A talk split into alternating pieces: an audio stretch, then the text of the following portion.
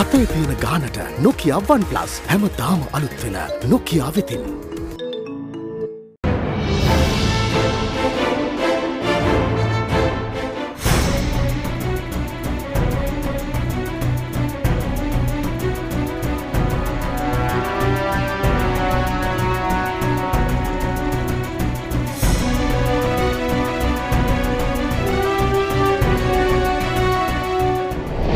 ආයුබෝවන් අදත් talk which අතුර විශේෂ ආරාධිතයෙක් හැමදාම් වගේ සම් සමාජයේ අ, සාම්ප්‍රදායිකව අපි දන්න බුද්ධිමතුන් අපි දකින අ, උපාධිධාරීන් නැතම් විවිධ වෘත්තීන් වල නිරත වෙන්නන් තන් ලොකූවට කතා කරන දේශපාලඥයන් ඒ සැමට වඩා සමාජය තුළ සැඟවී සිටින සමාජයේ අරුත්බර හරෙන් පිරිච්ච මිනිස්සු ඉන්නවා කියලයි අපේ වැඩසටහනින් හැමදාම ඔබට පේන්නේ ගම්ය වෙන්නේ.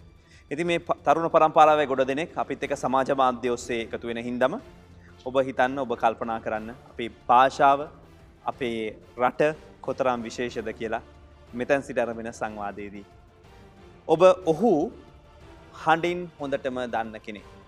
එහින්දා මුහුණ නොපෙන්වා අපි හඬ පෙන්වන්නම් මුලින්ම ම කැමති ඔබතුමාගෙන් පලවෙනියටම ඔබේ ඒ තාලයට මේ අහුව නොමකක්ද කියලා හැබැකමන්න ඒ තාලයට ඔබේ ගායනයක් බලන්න. සම්පීන ලකුණු දේහවරුණ අසමදුරය රන්දනා සංසාර ක්ලේස මහා ඕඝ සත්ව සාසර බන්ධනා සත්ව සසර බන්ධනා. මන්නෑර සසර දුවන සතට නිර්වාණ ద్వාර පෙන්වනා පින්සාර සෑසි සනරාමර පද්ම පාදවන්දනා පද්ම පාදවන්දනා. දැ මේ තාලෙන් ඔබ සවන්දී ඇති පන්සලකදී විහාරස්ථානයක එහම නැත්තම් මග තොටේදී කොයි හරි බස්රතයකදී පිටකුට බෝධියාසලින් කොයි හරියන්තනකින් එන මොහු කවුද? දැන් මේ තාලය දන්නවද කියලා බලන්නකො අපි සිත් සතර ඉගෙන ගත් නුවන ඇති බොහෝ ජනා සඳරාහු ගිල්ලාසේ සිටින්නේ.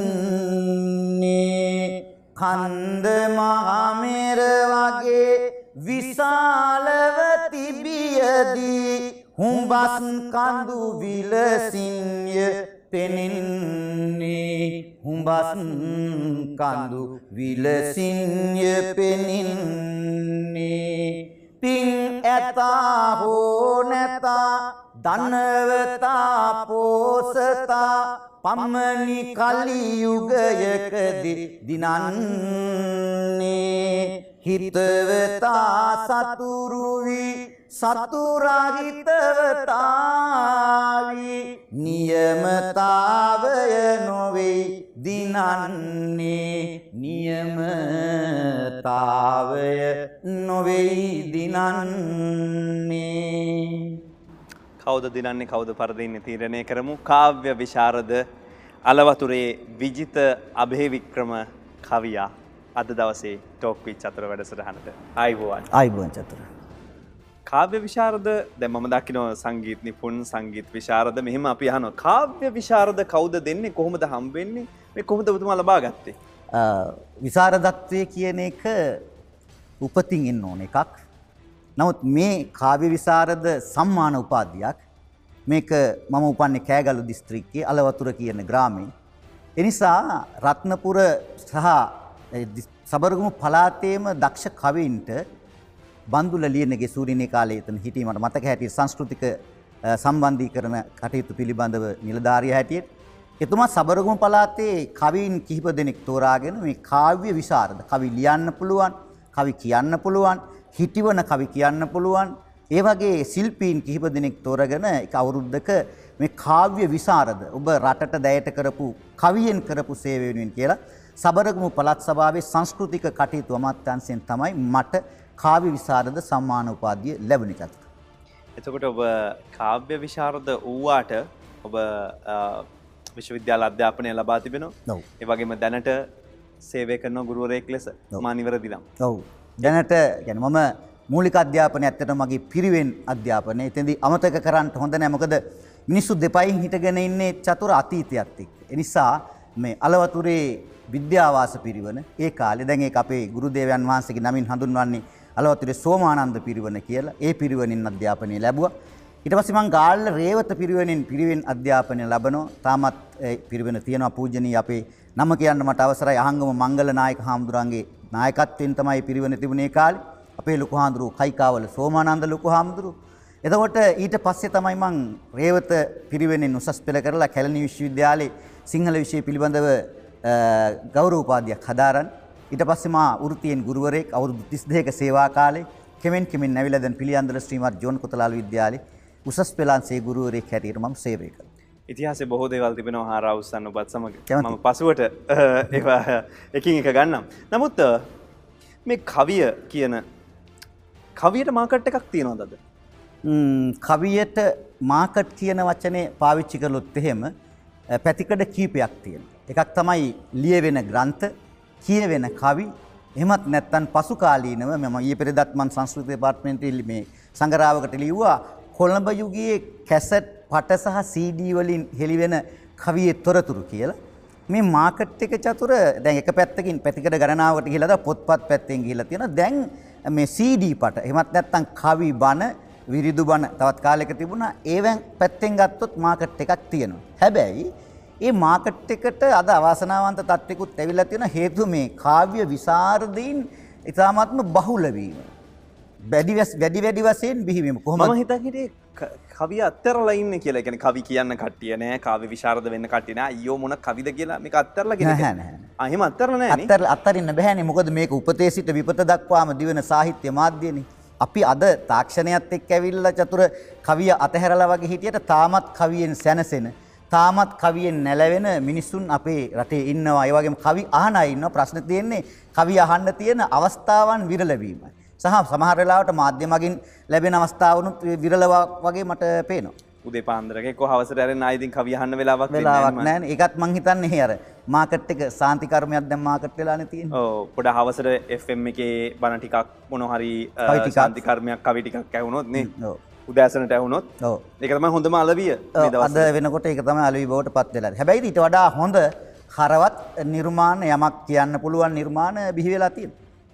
දැන් මේ නිර්මාණ කරණයේ යෙදීමේදී ඔබතුමාට පැහැදිලිවම පේන තිබෙන කාර්යයක් නෙමේ තරුණයා කියන කොටස ඒ කියන්නේ තරුණ පන්තියට මේ කවිය අවශ්‍යද මොකද අපි ගත්තොතින් දශකයක් ආපස්සට ගිහිල්ලා මේ පිරිසට කවිය ගොඩක් ළඟයි හිතට දැනෙනවා කවි බස තේරෙනවා දැන් මේ තරුණයා එන්න එන්න කවියට වඩා අපිට බටහිර සාහිත්‍ය ඔවුන්ගෙන් ලැබෙන ගීත ඒවා රස විඳිනවා බලන්න මේ වගේ යෙදුම් තියෙන්නේ මෙන්න මෙහෙමයි කියලා හිතනවා හිතෙන්නේ? මම මෙහෙමයි චතුර ඔතන ඔබේ ප්‍රශ්නයට පිළිතුරු දෙන්න දශක කීපයක් එහාට යන්න වෙනවා. ඒ කියන්නේ මේ තාක්ෂණික මෙවලම් භාවිත වෙන යුගය වෙනකොට අපේ දරුවන්ගේ මනස සම්පූර්ණයෙන්ම වෙනස් වෙලා තියෙනවා. දැන් මම වෘත්තියෙන් ගුරුවරයෙක්නේ. සේවා කාලය අවුරුදු 32කටත් වැඩි. ඒතකොට ළමයි ලක්ෂ ගණනකට මම උගන්වලා තියෙනවා. දැන් මීට අවුරුදු 20කට කලින් දැකපු දරුවා නෙවෙයි මං අද දකින්නේ. දැන් අද දකින දරුවා සම්පූර්ණයෙන්ම තාක්ෂණ මෙවලම් එක්ක තාක්ෂණික ජීවිතයක් ගත කරන කෙනෙක්. එතකොට ඔහුට කවිය අවශ්‍ය නැහැ. කවිය අවශ්‍ය නැති වෙන්න හේතුව තමයි ඔහු කවියට හුරු වෙලා නැහැ. අපේ පවතින අධ්‍යාපන ක්‍රමය තුල වුණත් යම් යම් නිර්මාණ අපි අන්තර්ගත කරලා තියෙනවා. හැබැයි ළමයින්ට ඒ කවියේ තාලයකට කියන්න දැන් සමහරලාට මම අත්දැකලා තියෙනවා ගුරුවරයා කවිය තාලයකට කියනකොට ළමයා පොඩ්ඩක් හිනහ වෙන ගතියක් තියෙනවා. සමහර වෙලාවට දේශනයකට ගිහිල්ලා කවියක් සැලලීනි සංදේශයේ කවියක් එහෙමකුත් ළමයින්ට නිකන් ඒක නුහුරු ගතියක් අපි කියලා පෙන්නමුකෝ මේ වෙලාවේ දැන්. මේක මෙහෙමයි. සැලලිහිණි සංදේශ මාත් අහලා තිනවා කවිත් කියලා දිනනවා අපි දැන් නිතර අහලා ඔව්. නමුත් ඔබේ හඬ සුවිශේෂී ඒ. නිසා මේක අහන්න වටිනවා ඔව්. දැන් අපි ගත්තොත් මම මේ ඒක අර්ථයකුත් එක්ක කියන්නම්. දැන් සැලලීනි සංදේශය වගේ සංදේශයකදී මේ අර්ථ රසය ශබ්ද රසයත් එක්කම පද දෙකක් කියන අර අ, මේ මේ නල බල සසල දල රල පෙළ නුඹ නැගෙන. ගේ මුල ගත්තොත් වලදින අදහසින් මෙන් සුර ගඟ අඟන. නල බල සසල දල රල පෙළ නුඹ නැගෙන. මේ කවියේ මුහුදයි එමත් නැත්නම් අහසයි දෙක එකට එකතු කරලා තියෙන. මෙතන තියෙන්නේ චතුර ළමයාට විඳින්න යමක් කියලා. මොකද සත්භාෂා පරමේශ්වර අපේ රාහුල හාමුදුරනේ මේක ලියන්නේ. උන්වහන්සේට ඕනකම තිබුණා ආකාශ ගංගාව නැමැති මේ ස්වාමියා මේ විරිඳ වැළඳ ගැනීම සඳහා සාගරේ නැමැති මේ ස්වාමියා උඩට නැගෙනවා අත වෙර මේ රැල්ල නැමැති අත එකතු කරමින් කිය. බොහොම අජීව වස්තුවකට සජීව බවක් ආරෝපණය කළා. දැන් මේක අද ළමයින්ට කිව්වම ළමයින්ට හිනහයක්. මොකද ළමයා ඒ විඳ ගැනීමේ වින්දනීය තැනට චතුර ඇවිල්ලා නැහැ. ඇවිල්ලා නැති වෙන්න හේතුව තමයි මුල ඉඳලා ළමයාට විඳින්න අපි හුරු කරලා නැහැ. දැන් සමහර වෙලාවට අපි දරු නැලවිලි ගීයක් පුංචි කාලේ අපි කීවට පස්සේ දරුවා නැලවෙනවනේ. අද වෙනකොට ඒක වෙනකොට පාවිච්චි කරලා තියෙන ඊට වඩා වෙනස් ඒක කැසට් යන්ත්‍රයක් භාවිතා කරන නැත්නම් රූපවාහිනිය භාවිතා කරනවා.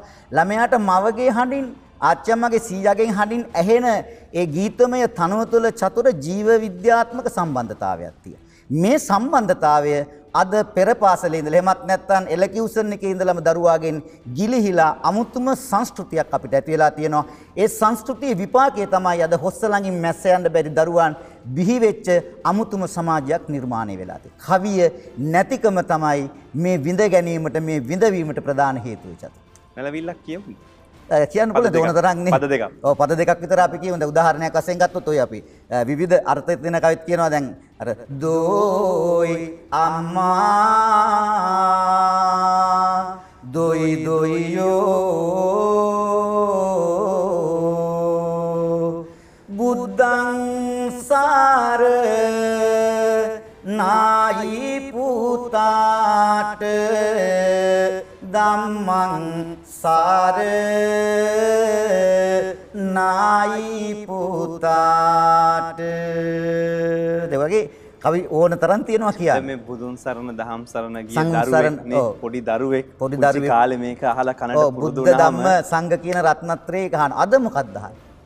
අද දරුවා අහන්නේ ඇත්තටම ඉතින් අපි යමුතුන් කියන්න ඕනේ නෑනේ මම කියන්නේ හැමෝම හැමතැන මෙහෙමයි කියලා. හැබැයි බොහෝ තැන්වල ඒ වගේ දේවල් තියෙනවා. මොකද ළමයාට දැන් අර අර මේ ගත්තොත් එහෙම එස්මයින්ද හාමුදුරන්ගේ නැලවිලි ගීතයක් ගත්තත් ඔ- උන්වහන්සේ දෙන පණිවිඩය නේද? මුනි සිරිපාසිමින්නේ සමනලගිර පිදසින්නේ නේද? මද සුළඟයි මේ එන්නේ. මගේ මගේ පුතා නිදියන්න. එතකොට බුදුන්ගේ පාදස්පර්ශය ලබන අ, මේ සුළඟ විඳගෙන දරුවට නිදියන්න කියලා කියන්නේ. ඒ තුළ දරුවා ආගම සංස්කෘතිය කියන සියල්ල පුංචි ළමයට තේරෙන්නේ නැහැ නමුත් අර තාලය තුළ ළමයාගේ මනසට ගමන් කරනවා රුධිරයට කැවෙනවා චතුර. අපි ඔබ සැලලිහිනිය ගැන සඳහන් කරපු හින්දම අපි දකිනවා සැලලිහිනියට කියනවා මේ මතු පිටින් දකින සුන්දරත්වයට රැවටෙන්න එපා. ඔව්. කොන්තගන්තොට වර්ණනාව විශේෂය. ප- නේද? ඔව්. ඔව්. ඉතින් මේ වගේ දැන් අපි මේ මතුපිට ලෝකෙට මතුපිට දෙයක දැකලා තමයි එයා ලස්සනට ඉන්නවා ඇඳලා පළඳලා ඉන්නවා බොහොම දේහධාරී බොහොම සුදුයි යන්නේ ඉන්නේ මෙහෙමයි සංකල්ප ලෝකෙකනේ අපි ජීවත් වෙන්නේ ඔව්. දැන් මේ මතුපිටට පමණයි මං හිතන්නේ අද මේ වෙනකොට අපි ස්පර්ශ කරන්නේ ඔව්. නමුත් කවිය කොහොමද මිනිස්සුන්ගේ හිත්වලට අභ්‍යන්තරයට. චිත්තසංතාන අභ්‍යන්තරයට මේක තට්ටු කරලා බැලුවේ මම මේ ඔබට පුංචි මේ අලුත් මේක එක- එක්තරා විදිහේ අලුත් නිර්මාණයක් මම පේලි හතරක් කියන්න. මේක මම ලියපු ගීතයකට ලියපු කොටසක් බොහෝ අයට දැන් මේක ජන කවියක් බවටත් පත් වෙලා තියෙනවා. අම්මා සමනල කන්ද වගේ අප්පච්චි සිහිගිරිය වගේ අක්කාපෙ ගොළු මුහුද වගේ මන්දන්න මං කවුරු වගේ දැන් පේලි හතරක්නේ දැන් මේ පේලි හතර තුල තියෙන අර්ථය බලන්න. දැන් අද අම්මලා තාත්තලා පාරේ දුක් විඳින යුගයක්. අම්මලා තාත්තලාට ගහලා ගෙයින් එළියට දාන යුගයක්. වැඩිහිටි නිවාස වලට යවන යුගයක්. සමාජයේ තෙන්ද වෙලා තියෙන. මොකද බටහිර සංස්කෘතියේ යම් යම් දේවල් අපිව ආක්‍රමණය කරමින් පවතින. සදාචාර හැම පැත්තෙම ගත්තාම මේක මක තියෙන නේද? අපි කියන්නේ අම්මා සමනල කන්ද වගේ මේක නිර්මාණය. ඇයි අම්මා සමනල කන්දට උපමා කරන්නේ? පූජනීයයි. ධාති කුල ભેද ආගම් වාදයකින් තොරව අම්මට වඳිනවා. අම්මා කියලා කියන්නේ හරි පූජනීය වචනයක්නේ. අනිවාර්යෙන්. අනිවාර්යයෙන්ම. එතකොට අපේ සමාජ සංස්කෘතිය තුළ චතුර අම්මා කියන වචනේ භාවිතා කරන ප්‍රධාන අවස්ථා කීපයක් තියෙනවා. එකක් තමයි Taman වැදූ මව අම්මාට අපි අම්මා මවට මව අපි අම්මා කියලා කියනවනේ. අපි වගේම උපන් බිම මාතෘ භූමිය. ලක් අම්මා සිරි ලක් මව. ඊළඟට අපි ගියේ පාසල්. පාසල් අම්මා. ඊළඟට බුදුරජාණන් වහන්සේට මගේම බුදු පියාණන් වූ මගේම බුදු මෑණි. මෑණියන්. අමා මෑණී බුදු පියාණන් වහන්සේ. එතකොට එහෙමනම් වැදූමවට උපන් රටට ගිය පාසලට සහ ලෞතුරා බුදු පියාණන්ට විතරක් කියන නමක් නෑම්. දැන් අද කොතනද ඉන්නේ? දැන් අද මම විශේෂයෙන් දකින කාරණාවක් තියෙනවා ළමයි වැඩිහිටියන් බවට පත් වෙනකොට දෙමව්පියන්ට අඩංගු නෑ. මේක මහා බරපතල තත්ත්වයක්. දෙමව්පියෝ කියන දේ අහන්නේ නෑ. ඒකෙන් අදහස් කරන්නේ හැම දරුවා මේ වගේ කියන එක නෙවෙයි. නමුත් දෙමව්පියන්ට සමහරලාට දරුවන්ට යටත් වෙලා ඉන්න තත්ත්වයක් සමහර තැන්වල ඇති වෙලා තියෙනවා. අප්පච්චි සිහිගිරිය වගේ. තාත්තා හරියට රාජධානියක ර- රජෙක් සෙල සැලෙන් අදත් සීගිරිය නොසැලී සිටින. ඉතිහාසය වෙනස් වෙන්න පුළුවන්. ඒක විවි- විවිධ කාරණා තියෙනවා. තවත් අය දැකපු ආකාරات තියෙනවා. අපි දකින්නේ අප්පච්චි සිහිගිරියවා. නොසැලී සිටින්නට ඕ. කුමක් හමු වුණා. අක්කා ගොළු මුහුද වගේ. දැන් මේ සමාජ පොදු අදා අම්මා තාත්තා අක්කා මම කියලා වචන තුන හතරක් නේ මේ කවිය ගන්නෙ. එතකොට මේක කරන්න පුළුවන් චතුර කවියට විතර. අක්කා ගොළු මුහුද වගේ නිසලතන සසලයි සසලතන නිසලයි වටහාගත නැහැ. මං චතුරගෙන් ඇහුවොත් චතුර ඔබ කවුද කියලා ඔබට පුළුවන් පිළිතුරක් දෙන්න. එකපාරට මම චතුර කියලා නාමික වශයෙන් හඳුන්වන්න. අපි කවුද කියලා හොයනවා තාම. කොයිනොතා. තෙස්සා කියන මම දන්නේ මම කවුරු වගේ කියලා. මේකට හොඳ කියමනක් තියෙනවා හෙරක්ලීටස් කියලා බටහිර පඬිවරයෙක් එක එක ගඟට දෙවරක් බසින්නට නොහැකි කිය. කවදාවත් කිසි දිනක බසින්න බැහැයි කිය. බුදුහාඳුරුව කියනවා බසින්නට දෙවරක් එසේ කව- කිසිම කෙනෙක් කිය. කවදාවත් එහෙම නෑ මොකද හේතුව මම කියන වචන ගත්තොත් මම පළවෙනි මයන්න කියන උටින්න මම නෙවෙයි දෙවෙනි මයන්න කියන තැන උටින්න මම කියාගෙන ආවේ ඔබේ ප්‍රශ්නෙට මම පිළිතුර මේ කවියට පුළුවන්කම තියෙනවා චතුර ජීවිතය වෙනස් කරන්න. ජීවිතය පිළිබඳව පණිවිඩයක් දෙන්න පුළුවන්කම. මට ලැබුණ මේ මේකේ මේ කතුවරයෙක් මට හොයාගන්න බැරි වුණා. නමුත් මේක එක්තරා තිබුණේ මේ සමරු සටහනක තිබුණ තැනක් බලන්නකො මේ කවියේ තියෙන රසය ජීවිතය පිළිබඳව යමක් දෙන්න පුළුවන් පණිවිඩ. තරුණ පරපුරට ඔබ අහපු ප්‍රශ්නේ එකයි.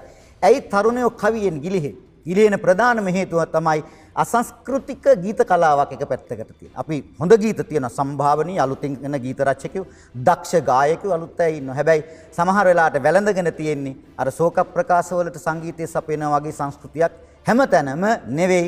නමුත් මේ කවිය අහලා බලන්න මේ කවියෙන් දෙන පණිවිඩය මොකක්ද කියලා. බම්මර තුඩක් විස වුණාට නෑතහනම් මල සිඹින්න අහසේ ඉඳන්න වැසි වැටුනට නෑතහනම් බිම තෙමන්න. ලොව අඳුරේ ගිලී ගියත් ඒ ඇති කඩු පුල් පිපෙන්න.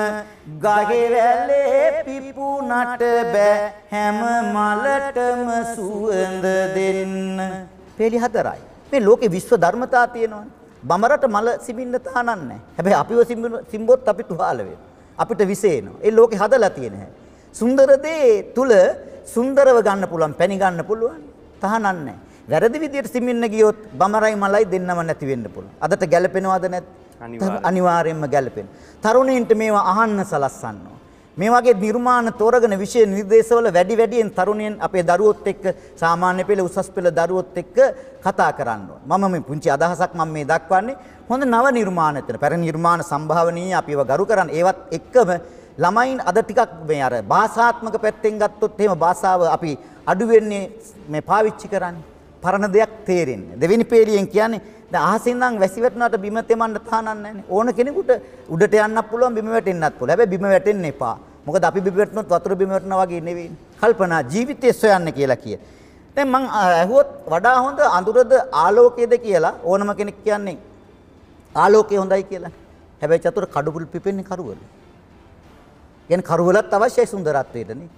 තව බොහෝ දේ තියෙන ලෝකයේ පිළිබඳ ලොකු පණිවිඩයක් මේ දෙන්නේ. දෙවියන් පවා පුදන නේද? කඩුපුල් පිපෙන්නේ කළුවරේනේ. එතකොට ආලෝකයේ විතරක් නෙවෙයි ලෝකයේ පවතින අඳුර සහ ආලෝකය කියන දෙකම ඕන. මේ භාවාත්මක පණිවිඩයක් නේ දෙන්නේ. වචන peedi හතරක් නෙති. ගස්වල වල මල් පිපෙනවා. හැම මලක්ම සුවඳ. නෑනේ එරබදු මලේ සුවඳනේ ලස්සනයි. හැබැයි සංකේතයක් තියෙනවා. සංස්කෘතියත් එක්ක බැඳිලා තියෙනවා. ඒ නිසා peeli කිහිපයක් ඇති ජීවිතය කියවන්න, විඳින්න, තරුණ පරපුරට මේවා වැඩි වැඩියෙන් මම හිතන්නේ මේ අද ඔබ තැබූ පියවර වඩාත් සාර්ථක වේවි. මේ වගේ නිර්මාණ දස දහස් ගාණක් තියෙනවා. ලක්ෂ ගාණක් කවි තියෙනවා. ජීවිතයේ කියවන ජීවිතයේ වින්දනීය අරුත පැහැදිලි කරන දේවල් චතුර. නමුත් ඔබ විශ්වාස කරන්න නැද්ද ඔබ බඹර ගැන කියලා මේ වටින් ගොඩින් ඇවිල්ල මේ කියන කතා අලංකෘත හාව නිර්මාණ එම ඔක්කොම ටිකක් දැන් සමාජයට ටික යල් පැනල වගේ. ඕ මොක දැන් දැන් කෙලින්ම අමුවෙන් කියන්න පැම එක අමුවෙන් කිව්වොත් ඔබට මං ආදරය කළ වග දැනෙනවද දැම් මම මේ ආදරය කරන්න යන්නේ ජීවිත ඒක කෙලින් කිව්වම තමයි මොලේට යන්නේ දැ මේ කවිය අරගෙන රස විඳ මේක මොකක්ද මෙයා කියනව ඇත්තේ මෙම කල්පනා කන්දර වෙලාවක් නැති එක හිතෙන් නැද බුතුමන මේ අමුවෙන් කියන එක ඔව්, ඒක තමයි කියලා. අමුවේ අමුයෙන් කියන එකට හොඳ උදාහරණයක් දෙන්න පුළුවන්. දැන් සාහිත්‍යයෙන් කරන්නේ රසය උද්දීපනය කරන එකනේ. චතුර අපේ මනස දැන් අපි හොඳ සමහර සින්දුවක් අහලා අපි කියන හරි හොඳ සින්දුව කියලා. ඒ හරි හොඳ සින්දුව කියලා කියන්නේ සින්දුවේ වචනවලටද අර අමුයෙන් කියන ගතියටද කියන එකේ ගැටලුවක් තියෙනවා. දැන් වෙලා තියෙන්නේ අර ඉදිලා රත් පැහැවෙලා කියලා කියන කතන්දරයට වඩා අමුයෙන් තමයි දැන් වදින්නේ. හේතුව ඉදිච්ච බොහෝ ගෙඩි වැටිලා ගිහිල්ලා චතුර. ඉදිච්ච බොහෝ ගෙඩි වැටිලා ගිහින්. අමු ගෙඩිය නෙමෙයි රසයේ තියෙන ඉදුණ ගෙඩි. හැබැයි ළමයි දන්නේ නැහැ හැම ගෙඩි තිබුණයි කියලා. ළමයින්ට ඒවා කන්න දීලා නැහැ. ඒ කියන්නේ මේ භාෂාව ළමයා තුලට ගිහිල්ලා නැහැ, යන්නේ නැහැ. ඒකට හේතු තියෙනවා. අලුතෙන් එන પરම්පරාවත් භාෂාව අතහැරලා තියෙන. සමහර ලාවට දැන් හර විෂයන් වගේ ගත්තොත් සිංහල භාෂාව හර විෂයක් නෙවෙයි අපොස උසස් පෙළ විෂය ධාරාව තුල ගත්තොත් ඒ. ඒවට තවත් විවිධ අ, ජාතික ජාත්‍යන්තර ප්‍රශ්න තියෙන්න පුළුවන්. අපිට ඒක අදාළ නැහැ. අපි කතා කරන්නේ කවිය පිළිබඳවනේ මේ වැඩසටහනින්. දැන් ඔබ කියන්නේ මම මෙහෙම එකක් එහෙම නෑ. ඔබට මේක විස්තර කරන්න පුළුවන්. ඔබේ නිදහස පුදුම නිදහසක් වැඩසටහන තුළ තිබෙනවා. තියෙනවද? මම හරිද අපි හිතමු දැන් මම තව නිර්මාණයක් තෝරගන්න. දැන් ඔය අමුවෙන් කියනවා කියන්න ඕන කියන එක. මට මතක හැටියට සුනේත්‍රයි කිනිදියගේ නම ඇය එක්තරා නිර්මාණයකදී කියනවා මේ මේ. මම මගේ ආදරය ලෝක මධ්‍යස්ථානයක් තරමට ගොඩනගා කුමකටද? ඔබ ඔසාමා බින් ලාඩන් උකල් අමුවෙන් වචන ටික අලුත් වුණාට අමුවෙන් නෙමෙයි. අමුවෙන් නෙවෙයි කතාව කතාව. ආයතනකද බලන්නකො ආදරය ගැනනේ ඔව්. ආයතනක ඇයම කියනවා මම උඹට ආදරේ බොක්කෙන් උඹ මට බොලොක්කෙන්. ඒ අමුවත් ඉදිලානේ. අනිවාර්යෙන්ම. අනිවාර්යෙන් මිදිලා තියෙනවානේ. එතකොට ඒ එහෙම නිර්මාණ පිළිබඳව පූර්ව නිගමන දෙන්න බෑ. භාෂාව යොදන ආකාරයට තමයි කියන්නේ. දැන් මිනිස්සු හරි ආඩම්බරයිනේ චතුර සමහර අය. මිනිස්සුන්ට යමක්කමක් තියෙනකොට පොඩ්ඩක් ගැස්සෙනවා. මම කියන්න හදන්නේ අපේ රුවන් බන්දු ජීව කියලා කවියෙකුගේ මීළඟ මීවිත කියන එක මේ අපේ ළමයින්ට උගන්වන එක මේ මේකේ තියෙන එක්තරා විදියක අමුවෙන් හැබැයි ඒක ඉදිච්ච තැන් තියෙනවා. උදාහරණයක් වශයෙන් මට නිදහස තියෙනවා නේද? අනිවාර්යෙන්ම. පැනික් මේ කම- මේ කවි පන්තියක් මේ විභාගයට තියෙන කවි පන්තියක් මේක මේ පැණි කොමඩු වැල යන එන සෑම තැනකම තියා යනවාමයි ගෙඩියක් හේන මත තහවුරු කරන්නට තමයි අයිති. එහෙමනේ. පැණි කොමඩු. ඒ විතරක්ම නොව කැකිරි වැල් හා එක්ව hina වෙනවා ඇද කර කර බතල වැල් වලට. හිස් අතින් ඉන්නවට කොළ විතරක්ම වනවා. සුවන් බන්දු ජීවමි කියන්නේ. කොහොම හරි මේ ළඟදී මේ කවිපන්ති මම කියන්නේ හොඳ නිසඳසක් වගේ තියෙන්නේ. කොහොම හරි මේ ළඟදී අලි ගැහුවට පස්සේ ඔය හේන කැකිරිවැල් දර දඬුව කොමුඩු ගෙඩි ආගියාතක් නැත බතලවැල් ටිකත් සීසී. ජීවිතය කවිය කියවන්නේ චතුර වින්දනීය විදිහට. ඔහුගේ භාෂාව කුමක් වුණත් මේ මේ තියෙන්නේ සාමාන්‍ය වචන ටිකක් නේ. දැන් මේ කොමඩු වැලුයි කොමඩු ගෙඩි හැමතැනම තියෙන කොමඩු ගෙඩි කැකිරි වැලුයි නේද? එයා කියනවා මේ මේ නිකම්ම ඉන්නවයි කියලා. මේ ළඟදී හැබැයි හේනට අලි ගැහුවා. අලි ගැහුවට පස්සේ ඉතින් කොමඩු ඉතුරු වෙන්නේ නැහනේ. අර අලියට පෑගිලා මොකද්ද වුණාදත් කියලා ඇහුවා වගේ නේද? මරුණාද කියලා ඇහුවා වගේ. කැකිරි වැලුත් දර දඬු වෙලා සම්පූර්ණ හේන විනාශ කළා දා. කොමඩු ඉතින් ආගිය අතක් නැහැ නේද? හැබැයි බතල වැල් ටිකත් සීසී. හැබැයි පාළුවට ගිය හේනක් නම් තමයි දැන්නේ. ඒත් තාමත් හේන ගාවින් යන අය ඇහෙන බැව් කියනවා බතලාල වගේක් හුස්ම ගන්නා බව හිමිහිට. වඩා වැදගත් මතු පිටින් ගෙඩි පෙනි පෙනි හුළඟට වැනි වැනි ඉන්න අතු කොළ ගෙඩි නෙවෙයි පොළව යට තියෙන. බාහිර දේට වඩා ආධ්‍යාත්මය කොච්චර සුරක්ෂිතද ආධ්‍යාත්මය කොච්චර වටිනවද කියන කාරණාව චතුර රුවන් බන්දු ජීව අපේ ළමින්ට කියලා තියෙනවා. මම කියන්නේ හොඳ නිර්මාණත් තියෙනවා. ජීවිත තුළ ඔව්. කොච්චර ප්‍රබුද්ධද මේ පුද්ගලයෝ කියලා පේන මේ වැඩසටහනට එන බොහෝ අය ඔව්. ඉතාමත් ප්‍රබුද්ධ ද කියවීමක් තිබෙන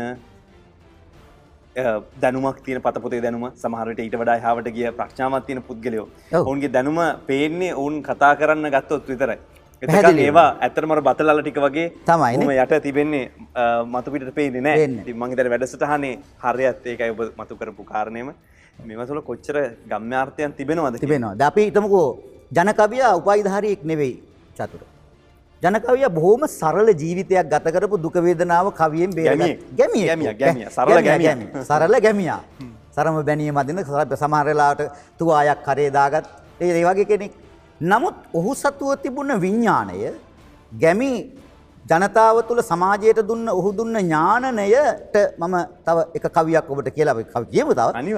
කමික කවි වැඩසටහන කවි කියන්න ආවෙත් අදනේ තාත්ත කෙනෙක් දුවගේ හැසිරීම දැකලා චතුර මේ මෙන්න මේ වගේ කවියක් කියන. අහන්නකො දැන් මේ කවිය අර ඔබ කිව්වා වගේ ඇයි මේවා දරුවන්ට කතා කරන්න පුළුවන් නම් දෙනවා නම් ਉਹ කියනවා මේ දියණියට ගොඩින් යන්න හොඳ පාර තියෙද්දිත් ගොරු මඩේ එරුණාද තමා. මානෙල් මල්විල ළඟම තියෙද්දිත් වරාමලක් නෙළුවාද තමා. වරාමලක් නෙළුවාද තමා. පොතෙත් කැලේමි බමර තියෙද්දිත් නිලමැත් සන්මග ගියේද තාමා? මෙතෙක් රටේ හොඳ පිරිමි සිටින්දිත් සොරෙකුට කල් බැන්දාද තමා? සොරෙකුට කල් බැන්දාද තමා? ජනකවි කියලකුවාම සීපදයි. මේ කවි අතර පොඩි වෙනසක් වෙනසක් තියෙන හැබැයි මේකත් ජනකවියක් මොකද මේක ජනකවි සීපද කියන තාලේ නෙවෙයි මේ මේක නිර්මාණය කර මොකද මේක මිහිරක් තියෙන දැන් අර්ථ රසයයි ශබ්ද රසයයි දෙක එකට එන්න ඕනේ චතුර. එයාම තමයි අර නිර්මාණය තියෙන්නේ. අන්න අර ඔබ කියපු තැන අර අමුෙන් කියනකොට අර්ථ රසය නෑ ශබ්ද රසයත් සමහරුන්ට ඇති මොකක්ද විඳ ගන්න. දැන් මේ කවි අහනවනේ ගොඩින් යන්න හොඳ පාර තියෙද්දි කොහෙද ඔය යන්නේ? දැන් අපේ ළමයින්ට ගැලපෙන්නේ නැද්ද?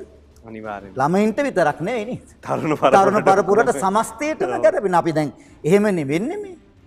නේද? ඒ වගේම තමයි දැන් මහනෙල් මල්පල ළඟම තියෙද්දිත් වරාමලක් නෙළුවාද තමයි. සාම්- සාමාන්‍යයෙන් වරාමල් නෙලන්න නමුත් මේ අහඹු සිදුවීමක් මේ මෑතක මම දැක්ක මේ පොළොන්නරුව පැත්තේ මේ වරාමල් ඒ පාවෙලා යන එකක් මිසක් නෙලනවා අපි දකින්න නෑ ඉතින් තාත්තා කියන්නේ. නෙලනව නම් මහනෙල් මලක් නෙල්ලක්. වරාමල් නෙලන්න ගිහිල්ලා කිරි පොඩ්ඩක් වෙනොත් 70ක් ඔව්. වෙනවනේ. වැදගත්කම ජීවිතයට තියෙන පණි ස්වභාව සෞන්දර්යයත් එක්ක කොහොිනේ මහා දේවල් නෙමෙයි. ඊට පස්සේ අහනවා මේ මී බඹ කැතේ මෙතෙක් කැලේ මී බඹර තියෙද්දි ඇයි මේ නිලමැස් යන පාරය. හොඳ දේ තෝරගන්න. දැන් අපිට අද වෙලා තියෙන්නේ අපි තෝරගෙන තියෙන චතුර සියල්ලත් එක්ක හොඳ නෙවෙයි නරක. සමාජයට වෙලා තියෙන්නේ. එකයි සොරෙකුට රැවටිලා තියෙන්නේ. ආන්න ඒක. තව ඒත් යන මෙතෙක් රටේ හොඳ පිරිමි සිටිදින්. ගැහණියකට ප්‍රධානම වැදගත්ම දේ තමයිනේ හොඳ මිනිස්සෙක් හොයාගන්නවයි කියන්නේ. ලේසියෙන් හොයාගන්න බෑනේ. අරගෙන බලන්නකෝ පත්තරයක්. මුහුණු පොතට යන්නකෝ. මුහුණු පොතට ගියාට පස්සේ කොයිතරම් දේවල් තියෙනවද? ළමයින්ට වෙච්ච දේවල්. නේද? කොච්චර දේවල් තියෙනවද? මේ මේවා සමහර වෙලාවට ළමයින්ට කියලා දුන්නා නම් ළමයි යමක් හිතන්න පුළුවන් අර අමුවෙන් කියන කතාවට වඩා නේද? වෙනස් යමක් මේ හිතන්නට පුළුවන්කම තියෙනවා. දැන් මේ කවිය සම්බන්ධයෙන් කතා කරද්දී ඡන්දස යති විරිත් මේ වගේ දේවල් එලිසමාදී මේ වගේ දේවල් එකතුවක් තියෙන්න එපයි. එතකොට මේ එකතුව ගොඩනගන්න ඔහුට භාෂාමය හැකියාවක් තිබෙන්න ඕන. පැහැදිලිව. ඔබතුමා සිංහල භාෂාව සම්බන්ධයෙන් ගෞරවපාද. ගෞරෝපද්ධාරය ඔව්. මහිතන ඒක තමයි මේ එඩි සමය ගොඩ ගොඩනගන්න මේ දෙවල් කරන්න බව් චතුර මේ ඇත්තටම කවිය කියලා කියන්නේ නිර්මාණාත්මක භාෂාවක්. ඒ නිර්මාණාත්මක භාෂාව දැන් ගල් හැමතැනම තියෙනවා. මැණික් හැමතැනම නැහැනේ. ඒ වගේම තමයි විවිධ ආකාරයේ ගල් තියෙනවා. දැන් සමහර වෙලාවට කළු ගල වුණත් චතුර එක රටාවකට දාලා සුදු ඉරක් ඇන්දොත් ඒ තාප්පොළ එහෙම තියෙන්නේ. ඒකත් පිළිවෙලක්. ඒතකොට ලස්සනයි. බ්ලොග් ගලත් ඒවයි කබොක් ගලත් ඒ කබොක් ගලට සමහරලාට අ, සිමෙන්ති ටිකක් ගාලා ඇල්ලුවම ලස්සනයි. එතන තියෙන නියම හොඳම වචන හොඳම පිළිවෙලට යෙදීම කවියයි කියලා කියමනක් තියෙනවා. එතකොට සිතේ හදිසි අවස්ථාවකදී පහළ වෙන හැඟීම කවියයි කියලා තියෙනවා. මගෙන් ඇහුවේ ඡන්දස පිළිබඳව ඇත්තටම ඉගෙන ගන්න ඕන. ඇත්තටම නිර්මාණශීලී දෙයක් කරන්න නම් ඉගෙන ගන්න ඕන. දැන් අපේ ප්‍රාමාණික ග්‍රන්ථ තියෙනවානේ සියබස්ලා කරේලු සඳස් ලකුණු වගේ ඒ ප්‍රාමාණික විෂයන් එක යන ග්‍රන්ථ තියෙනවානේ. එක තැනක සඳහන් වෙනවා දැන් අපෙන් අහනවා විරිත් ඔබ මගෙන් ඇහුවොත් එහෙම විරිත් කීයක් තියෙද කියලා. විරිත් ගණනාවක් තියෙන බර සෑහෙන පිරිසක් තියෙනවා. ඒකට දෙන්න හදන උදාහරණය මේක ගැඹුරු නැහැ. කෙල සුවහස් විරිත් සඳස් ලකුණු දනු හෙළුවේ එබඳුත් හොත් කිවියරන් නොවිරිත් නමයි කොවිරිත්. ඒක තමයි පූර්ව ප්‍රාමාණික ග්‍රන්ථයේ සඳහන්. කෝටි ප්‍රකෝටි ගානක් මේ චතුර විරිත් තියෙනවා අපේ සිංහල භාෂාවෙන්. නම් විරිතක් නැහැ කියලා කියන්න දෙයක් නැහැ. ඇලක දොලක ජලය ගලාගෙන යන්නේ කනට එන දරු නැලවිල්ලක හැම තැනම විරිතක් තියෙනවා. දැන් ඔබ ඡන්දස පිළිබඳව ඇහුවා. විරිත පිළිබඳව ඇහුවා. දැන් ඡන්දස කියන එක පිළිබඳව අපි ගත්තොත් විවිධ පණිවරු තියෙනවානේ. ඒ ඡන්දස වල ප්‍රධාන කොටස් දෙකක් තියෙනවා. දැන් ඡන්දස කියන්නේ රීතියක් ඒක. ද මාත්‍රා ඡන්දස වගේ තමයි ඡන්දස් දෙකක් තියෙනවා. මාත්‍රා ඡන්දස සහ ඝන. ඡන්දස කියන එක. ඔව්. දැන් අපි හිතමුකෝ උදාහරණයක් වශයෙන් මාත්‍රා ඡන්දස නම් පෙද විරිත කියන එක ගත්තොත් එහෙම මාත්‍රා හතරෙන් හතරට යතිය තියන්න. සිතින් සීරි දෙන මහා ගුණ මුහු දානං සත් හට වන බව දුකට වේදානං මොනම ක්‍රමයකටවත් ඒ ක්‍රමය හැර ඒ කවිය කියන්න බෑ. කියයි ඉතින් කවුරු හරි දැන් ඔය සෙත් සිරි දෙන මහ ඔව්. ගුණ මුහුදාන එහෙම කියන්න නැති, බෑනේ. ඒ- එහෙම කියන නොදන්න අයට කියන්න පුළුවන්. නම් මේ රැප් කරලත් සමහරලාට සෙත් අවස්- සිරි දෙන මහ ගුණ මුහුදාන නම් එහෙම කියන්න එහෙම කියන්න ඒක නෙවෙයි. දැන් මේ සියල්ල පවතින්නේ අධ්‍යාපනයත් එක්කනේ. අපේ පැරැන්න ජන කවිය ඉගෙන ගත්තේ නැති වුණාට ඉගෙන ගත්ත මිනිස්සු එයාලා කිව්වා ඒකට විශේෂ හේතු කිව්වා නේද? දැන් කිසියම් ආකාරයකට ඡන්தோ රහිතං ගද්‍යං ඡන්தோ බද්දම් පද්‍යම් කියලා තමයි විශ්වනාථ පඬිවරයා කියේ. ඡන්දස නැත්තම් ඒක ගද්‍යයක්, ඡන්දස තියෙනවා නම් ඒක පද්‍යයක් කියලා. ඉතින් ස- ඡන්දස අවශ්‍යයි. ඒ විරිත අවශ්‍යයි, යටි අවශ්‍යයි. එහෙම වුණොත් තමයි ඒකට ගැලපෙන්න උදාහරණයක් ලැබෙන්නේ. මම උදා ඔබට පොඩි උදාහරණයකින් ඒක පැහැදිලි කරන්නකෝ. ඡන්දස කියලා ගත්තොත් ඒක කාව්‍යමය නීතියක්. මේ මේ ඡන්දස් තියෙනවා. ඒ ඡන්දස් වලට බඳින්න පුළුවන්කම තියෙන. එතකොට සාමාන්‍ය එක මම පුංචි වචනයක් එකට කියන්නම් මේ ඡන්දස් කියන ප්‍රාකෘත භාෂා පදයේ තද්භව රූපේ තමයි ඡන්දස් කියලා කියන්නේ. තාත් පැහැදිලි කරන්නම්. කිසියම් ශාස්ත්‍රීය නියමයන් විෂයක් තමයි ඡන්දස කියන්නේ. ඒක ඒ රීතියටම බඳින්න ඕන. විරිත කියන්නෙත් එහෙමයි. ඒකේ මාත්‍රා ගානක් නියම කරනවා. ඒ මාත්‍රා ගානට තමයි ඒක බඳින්න ඕන. දැන් සමුද්‍රඝෝෂ විරිතට තියෙන්නේ දෙසෙන් අටෙන් යටි තබා බඳුණු හේ සමුද්‍රඝෝෂ. මාත්‍රා 10කිනුයි 8කිනුයි යටිය තියලා තමයි සමුද්‍රඝෝෂ විරිත. අසම සම විලෝ විරුද්ධ වගේ එකක් වේ- ඒ වෙන වෙන වෙන වෙන යනවා. ඒ වගේ කොතරම් අපිට යන්න පුළුවන්ද මේ තමයි? කෙලසුවස් තියෙනවානේ කෝටි ප්‍රකෝටි ගාණක් විරිත් තියෙනවා. ඒ බඳුත් හොත් කිවියරන් නොවිරිත් තමයි කොවිරිත්. ඒකට තීන්දුවකට එන්න බෑ. මෙච්චර මෙච්චර. අර ප්‍රාමාණික ග්‍රන්ථවල යම් යම් ප්‍රමාණයක් දක්වලා තියෙනවා. දැන් අලුත් කෙනෙකුට අලුත් විරිතක් නිර්මාණය කරන්න පුළුවන්. ඒ ගැන එහෙම මොකුත්ම ගැටලුවක් නැහැ. ඒක තමයි සාමාන්‍ය කවියේ ස්වභාවය. ඉතින් මේවා උගන්වන්න ඕන. අපි හිතමුකෝ මේ අර්ථ රසය නරක රසය වෙලාවනේ. එතකොට දැන් ඒ සමහර තැන්වල තියෙනවා මේ ඒකට රීතියක් තියෙනවා. දැන් අනුප්‍රාසය මතු කරන්න. අනුප්‍රාසය කියන එක චතුර රසයක්. අනුප්‍රාසය කියන්නේ රසයක්. ඒක එන්නේ අර සමාන වචන එක එක තැන ගොඩක් යදුවට පස්සේ. අර මම මුලින් කිව්වේ නල්ල බල්ල සසල්ල දල්ල රල පිල් නේද? එතකොට ඒ ඒ වගේ වෙන් එනවා. මම තව හොඳ උදාහරණයක් ඔකට කියන්නම් මේක මේක කියන්න ඕන එකක්. මේ අලුත් අය මේවා දන්නේ නැහැ. දලදා සිරිත. දමදින යුගයේ ලියන දලදා සිරිතේ ලුම්බිනි උයන ගැන සඳහන් කරනවා. දැන් මේකට හේතුව තමයි මේක භාවිතය කරන අය පමණක් පාවිච්චි කරන දරුවන්ට මේක ගලා යන්නේ. ඒකෙත් ලුම්බිනි උයන ගැන කියනවා ඒකේ තියෙන වෘත්තගන්ධි කියලා ශෛලියක්. අන්න ඡන්දස කියන්නේ නීතියක් ඒ.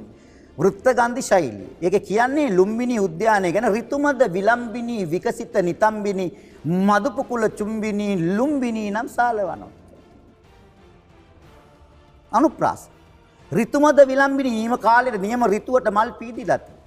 විකසිත නිතම්බිනි උයන පුරාම මල් පිපිලා තියෙනවා. මදුපොකොළ චුම්බිනි මීමැස්සන් විසින් සිපගෙන තියෙනවා. මේ අපේ pāli වචන. අපේ මව් මාතෘ භාෂාවල වචන. ඒ තමයි ලුම්බි මහා මායා දේවිය එතනින් තමයි ද- සිදුහත් කුමාරයා බිහි කරයි කියලා. මහා මායා දේවිය ගැන කියන අමායා එමායා මහා මායා බිසවුන් කුස. තද බල නෑනේ. නමුත් දැනෙනවා. අන්න එතන තමයි අර්ථ රසයයි ශබ්ද රසයයි කියන දෙකම එකට එකතු කරලා තියෙන්නේ. මිනිස්සුන්ට මේ මනස වින්දනීයයි.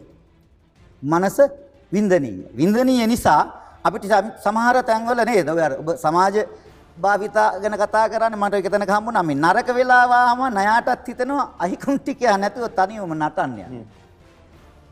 සමහරුන් නටපු කතා අපි දැක දැකලා තියෙනවානේ වෙච්ච දේත් අපි අහලා තියෙනවා. ඒ නිසා මොකක්ද කියන්නේ? මේ සමාජ දාලා වලින් හොයාගත්තේ අලුත් දලු ලියලන්නේ පරණාතු කැඩෙනකොට. හරිනේ සමාජ ජාලා තුළත් ඉන්නේ මේ රසේ තියෙන මිනිස්සු. අපෝ දා- හැබැයි මේක දන්නේ නෑ මේ අපි පාවිච්චි කරන්නේ මේ සාහිත්‍ය රසය. රසය කියන මං කියන්නේ ඒකයි නේද? කළුවරට පෙම්බඳින කණා මැදිරියකට අමාවක ලස්සනලු වැඩියෙන් පුරහඳට කරුවලට පෙම්බඳින කණා මැදිරියෙකුට අමාවක ලස්සනලු වැඩියෙන් පුරහඳට කළුවට පෙම්බඳින කලාමැදිරියට කළුවර ඇරෙන්නට ආලෝකෙන් වැඩක් නෑ. නෑ මම මේ පෙරද දැක්කව මේ මේ තීරෝධ රථයක ඒක වෙනම තියෙනවානේ. නේද.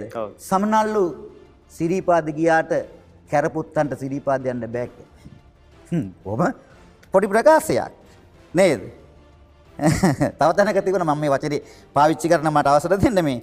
මස් මරන්නාද ප්‍රියයන් කිස් කරන්නේ? අර්ථය අර ශබ්ද මස් මරන්නාද ප්‍රියයන් කිස් කරන්නේ. එතන බලන්නකො දෙන සමාජ අර්ථය කොච්චරද ස කවිය ඒ ඡන්දසත් එක්ක යනවත් වගේම කිසියම් ආකාරයක ජීවිතය ලියලන ජීවිතයට අර්ථයක් දෙන දෙයක් තමයි කවිය. වඩා වැඩියෙන් දරුවන්ට කවි උගන්වන්න ඕන කියන්න ලියන්න ගයන්න. දැන් මේ කවිය පිළිබඳව ඒ විදිහට කතා කරනකොට කවියේ රිද්මය සහ මේ ශබ්ද ධ්වනිය කියන එක නිර්මාණය වීමේදී විශේෂයෙන්ම අපි මේ ඝන පිහිටීම පිළිබඳව කතා කරනවා. අ, විශේෂයෙන්ම දැන් මෙතනට එන්නකොට අපිට අනිත් පැත්තට ආපහු වෙන්න වෙනවා මේ නරාක්ෂර සනරාක්ෂර උපභග හා මේවා දාන්න නැතුව අපි දැන් මේ අලුත් ලස්සන විදිහවලට නම් හදාගෙන නම් යොදාගෙන ඝන පිහිටෝගෙන එනවනේ. නොව. මේ ඝන වළංගුද අපිට? ඇත්තටම වලංගුයි. වලංගුයි කියලා කියන්නේ චතුර දැන් අපි සමහර දේවල් වල වලංගුතාවය සංස්කෘතික විපර්යාසයන් එක්ක ගත්තොත් ම්, ටික කාලයක් යනකොට ඒ වලංගු භාවය නැතු යනවා. අපි පොඩක් ඉතිහාසයට වගේ ගියොත් එහෙම දැන් අපේ රජවරුන්ගේ සමහර නම් පසුකාලීනව අ, විදේශී ආක්‍රමණයන් නිසා සමහර වෙලාවට වෙනස් වෙනවනේ. ඒ වගේම තමයි මිහිඳු හාමුදුරුවෝ ලංකාවට ආවට පස්සේ බුදු දහම ලංකාවට ලැබුණාට පස්සේ අපිට ලැබුණ නම් වල කිසියම් ආකාරයක අර්ථයක් තුන කරුණාවති දයාවති ඒ වගේ ප්‍රේමලතා කියලා ගත්තත් ඒකේ තියෙනවා පොඩි අ, මේ සංස්කෘතිකමය සම්බන්ධතාවයක් තියෙනවා. ඒ නිසා සාමාන්‍යයෙන් මේ ජ්‍යොතිෂ්‍ය ශාස්ත්‍රයේ මම ජ්‍යොතිෂය ගැන වඩා කතා කරන්න යන්නේ අපි මාතෘකාවක් කවි ගැන කතා කරන නිසා ඒකෙදි අපි භාවිතා කරනවා ඝන 8ක්. ඝන 8ක් අපි පාවිච්චි කරනවා. ඒ ඝනාට ගත්තොත් එහෙම මන බය ජර සත කියලා මගන නගන යගන යගන ඒ ජ- ඒ විදිහට අපි ඝන 8ක් පාවිච්චි කරනවා. ඒ ඝන 8න් හතරක් යහපත් වැඩ සඳහාත් අනිත් හතර අයහපත් වැඩ සඳහාත් භාවිතා කරනවා. දැන් උදාහරණයක් වශයෙන් සරලව ගත්තොත් එක පැත්තකට පළවෙනි ඝන හතර තමයි අපි සෙත් කවි ගන්න භාවිතා කරන්නේ. සෙත් කවියක් පටන් ගන්නකොට අ, විශේෂයෙන් අපි කිසියම් ආකාර සුබ ගණයක් පටන් ගන්න. ගණයකින් තමයි පටන් ගන්න. ඒ වගේම තමයි ආශිර්වාදාත්මක දේව නාමාවලියක් අපිට තියෙන. දෙවියන් උදෙසා වෙනම නාමාවලි තියෙන සෙත් කවි පොත්පත් ගත්තාම බලා ගන්න පුළුවන්. ඒ දෙවියන් පිළිබඳවත් කිසියම් හැඟීමක් දෙවියන්ට අමතන සුසබ්ද මාලාවක් තියෙන. ඒක ගන්න. දරුවන්ට නම් තබනකොට ව්‍යාපාරයකට නම් තබනකොට අන්න අර මන බය කියන ඝන හතර සුබ ඝන හතරෙන් තමයි ඒ ව්‍යාපාරය අපි නැත්තම් අපික පටන් ගන්න. එහෙම නොවුනොත් ඒක අපි උදාහරණයක් වශයෙන් මම කියන්නම් පැහැදිලි කරන්න ඔබට මතන ඒක අවශ්‍ය වෙලා තියෙන්නේ. දැන්. ඝනයක් කියලා කියන්නේ මාත්‍රා තුනක්. කිය කියලා කියන්නේ මාත්‍රා තුනක් ඉතින් අපිට මේ සාමාන්‍යයෙන් අපි ලඝු සහ ගුරු කියලා තමයි මාත්‍රා හඳුන්වන්නේ සංගීතයේදී එහෙම අපි මේ පාවිච්චි කරනවා. අපි ලඝුවක් හඳුන්වන්න කෙටි ඉරක් පාවිච්චි කරනවා ගුරක් හඳුන්වන්න අර්ධ කවයක සංකේතයක් පාවිච්චි කරනවා. එතකොට ලඝුවකට එක මාත්‍රාවයි ගුරකට මාත්‍රා දෙකයි. සාමාන්‍ය එහෙම එකතු වෙලා තමයි අපි සාමාන්‍ය වශයෙන් ගත්තොත් එහෙම මේ අ, කොහොමද හැදෙන්නේ කියලා. දැන් උදාහරණයක් වශයෙන් ගත්තොත් පළවෙනි එක මගනනේ. මගනේ කියලා කියන්නේ ගුරුම තුනක්. ඒ කියන්නේ අර අර්ධ කවයේ හැඩේ අකුරු තුනක් හැටියට තමයි කියන්නේ. දැන් උදාහරණයක් සෙත් වේවා. සෙත් අඩකවය වේ අඩකවය වා අඩකවය ගුරුම තුනයි. එතකොට ඒකේ ප්‍රතිඵලය දෙනවා ජය. මගනකින් යම් නමක් තිබ්බොත් අපි ඒකට සෙත් වේවා කියලා නේ අපි සමහරලාට ඒක වෙනස් කරලා ඒකට ගැලපෙන එකක් නමක් හදා ගන්නවා. එතකොට ගුරුම අකුරු තුනක් තමයි එතන තියෙන්නේ. ගුරුම අකුරු තුනක් තියෙන්නේ. ඊළඟට තින් ලඝුමාකුරු තුනක්. ලඝුමාකුරු තුනක් ගත්තොත් අපි ඒකට කියනවා නගණය කියලා. එතකොට එතකොට නගණේ තියෙන ලඝු තුනයිනේ. එතකොට නගණේ කියන එකට අපි ඔබේ නම ගත්තොත් චතුර මගේ නම ගත්තොත් විජිතනේ. එතකොට ලඝු තුනක් තියෙන. එතකොට ඒකේ තියෙන්නේ ආයු. ඒ නගණයෙන් නමක් තිබ්බොත් එයාට වැඩි දීර්ඝායුෂ ලැබෙනවා. දීර්ඝායුෂ ලැබෙනවා. ව්‍යාපාරයක් තිබ්බොත් බොහෝ කල ඒ ව්‍යාපාරය ඉදිරියට අරයි යනවා. ඉතින් අද මම ගණ ටික හතර විස්තර කරලා ඉන්නම්. ඊළඟට එන්නේ බගණය. ඒ කියන්නේ එතකොට මුලට මේ මුලට එනවා ගුරක් ඊළඟට එනවා ලඝු දෙකක්. එහෙම ආවොත් එහෙම මේ සුබ ඒකේ තියෙන යසස් උත්තරේ. ඒ කියන්නේ අපි බගණෙන් යම් දෙයක් තිබ්බොත් යගනේ කියලා කියන්නේ මුලට එනවා ලඝුවක් අගට ගුරු දෙකක් එනවා. ඒකේ තියෙන්නේ දියුණු. එතකොට එනම් පළමුව මන බය කියන ඝන හතරෙන් කිසියම් නමක් හෝ ව්‍යාපාර නාමයක් පුද්ගල නාමයක් තිබ්බොත් ඒ අයට ඒ අනුව මොනවද ලැබෙන්නේ ජය ආයුෂ යසස සහ දියුණුව කියනව ලැබෙනවා. දැන් දෙරණ මේ විදිහට මගනෙන් තිබපු ම දෙරන ගත්තොත් එහෙම කියන්නේ නගනේනේ. දෙරණ එතකොට නගන කියන්නේ ලඝුම තුනක් නේ තියෙන. ඉතින් ආයුනේ දැන් සෑහෙන දීර්ඝායුෂ විඳමින් තවත් කල් යෙහෙන් වැජ වේවා කියලා ප්‍රාර්ථනා කරමු හදවතින්. අපේ නාලිකාවක් හැටියට. ඊළඟට දැන් අනිත් පැත්තට ගත්තොත් අපි තියෙනවා ලඝුවකුයි මැදට ගුරකුයි ආය ලඝුවකුයි ගත්තොත් ඒකනේ ජගන උදාහරණයක් වශයෙන් ඒ ගත්තොත් ඒකේ උත්තරේ තියෙන්නේ රෝග. ඒකෙන් තිබ්බොත් ජගනෙන් රෝග. රගණය කියන්නේ මුලට ල- ගුරු දෙකයි මැදට ආවොත් එහෙම ලඝුවක් ඒකෙන් ඉන්නේ මොකද්ද විනාශ. එතකොට මුලට ලඝු දෙකයි අගට ගුරුකුයි ආවොත් උදාහරණේ මරණය ඊට පස්සේ ලඝු දෙක ගුරු දෙකකුයි ලඝුවකුයි ආවොත් ධන හානි වේ. නිසා මේ මේක ශාස්ත්‍රයක්නේ චතුර. මේ ශාස්ත්‍රානුකූලව ඉතින් අපි කැමති රෝග විනාශ මර ධනහානි කියන උත්තරේට එනවටද එමත් නැත්නම් ජය ආයු යසස් දියුණුව කියනට එනවටද කියලා. ඒ කියන්නේ සෙත් කවියයි වස් කවියයි පිහිටවන්නේ. මේ වෙනසින්. ඔව් වෙනසෙන්. එතකොට දැන් අපි උදාහරණයක් වශයෙන් ගත්තොත් දැන් වස් කවි කියන්නේ ඉතින් මේ සෙත් වේවා මෙත් වේවා කියලා ආදරෙන් නෙවෙයිනේ මොකක් හරි නපුරක් කරන්නනේ. පදයක් වගේ කියලා පෙන්නමුත්. උදාහරණයක් වශයෙන් අපි ගත්තොත් එහෙම දැන් සබ්දෑහි සර්ප නේ සබ්නේ සබ්දෑහි කියන ඒ වගේ වචනයක් ගත්තොත් ඒකේ තියෙන මොකද්ද? ධනහානි. ඒක පිටවන්න පුළුවන්. ඒක වෙනම පොතපත තියාගෙන හදන්න ඕන. හැදුවොත් තමයි මම වස් කවි කියන්නේ තමන් එච්චර ඔබ නමුත් සෙත් කවි කියනවා ආ මට. පැහැදිලිවම. සෙත් කවි කියනවා මට සෙත් කවියක් කියන්න බැයිද දැන්. මම හිතුව- හදි- හදිසිය හදි- අ, හිටිවන සෙත් කවියක්. ඔව් හැබැයි හිටියවන සෙත් කවියක්. අපි හොඳයි බලමු. මොන දෙවියන්ටද ඔබට කියන්නේ? ඔබ සමහරට එහෙම විශ්වාස කරන සංකල්පයකුත් එහෙම තියෙනවා අපි. සාමාන්‍යයෙන් දේව මණ්ඩලේ ගත්තොත් එහෙම දැන් මොකද මම තෝර මම කැමති දෙවි කෙනෙකුට ප්‍රශ්නයක් නැහැ. අපි ආරක්ෂාව සම්බන්ධයෙන් ඉන්න දෙවි කෙනෙකුට හරිද විෂ්ණු කතරගම දෙවියන් මම පේලි දෙකක් මං ඔව්, කියන්නම් නේ. එහෙම නැත්නම් අපි කියමුකෝ සම්බුද්ධ ශාසනය රකින්නට අනාගතයේ දෙවියන්. වෙනුවෙන් ඔව් ඔව් අපි ගත්තොත් එහෙම පවර සිරිපිය කලින්දු දෙවිඳුනි එම් සලුද ගත රන්දනා චතුර රැක දෙනු මැනවි දින දින යෙහෙන් කරනෙමි වන්දනා තිය දිගට එහෙම යන්න පුළුවන් ආසුර දැන් සමහරු සෙත් කවි ලියන්නේ ලෙඩ දුක් ඒ වගේ නොඑක් දේවල් තියෙනවා. ඉතින් අපි එතකොට දැන් මේ දවස්වල නම් වැඩිපුරම සෙත් කවි ලියන්නේ ශිෂ්‍යත්ව විභාගයේ වගේ දරුවොත් එනවා. ඉතින් අසනීප වෙච්ච රාහු සනී අපලේ වගේ තියෙන. ඒ වගේ අයට මේ සෙත් කවි කියන්න පුළුවන්. එතෙන්දි මේ ඝන පිහිටුවීම කියන එක වඩා වැදගත් වෙනවා. මෙමය මේක අපිට කෙනෙකුට ස්ථිරම කියන්න බෑ ඔබ මේක එහෙමම කරන්න කියලා. මේ ශාස්ත්‍ර විශ්වාස කරන මිනිස්සු එදත් කළා අදත් කරනවා හෙටටත් කරනවා අදටත් බොහෝ අය දෙවියන් ළඟින් මට පොඩි අවස්ථාවක් දෙන්න ආ, මේ චතුර දෙවියන් බුදුන් පන්සල් දේවාල බෝධි මේ රටේ නොතිබුණා නම් මීට කලින් ගොඩක් අය මැරෙනවා.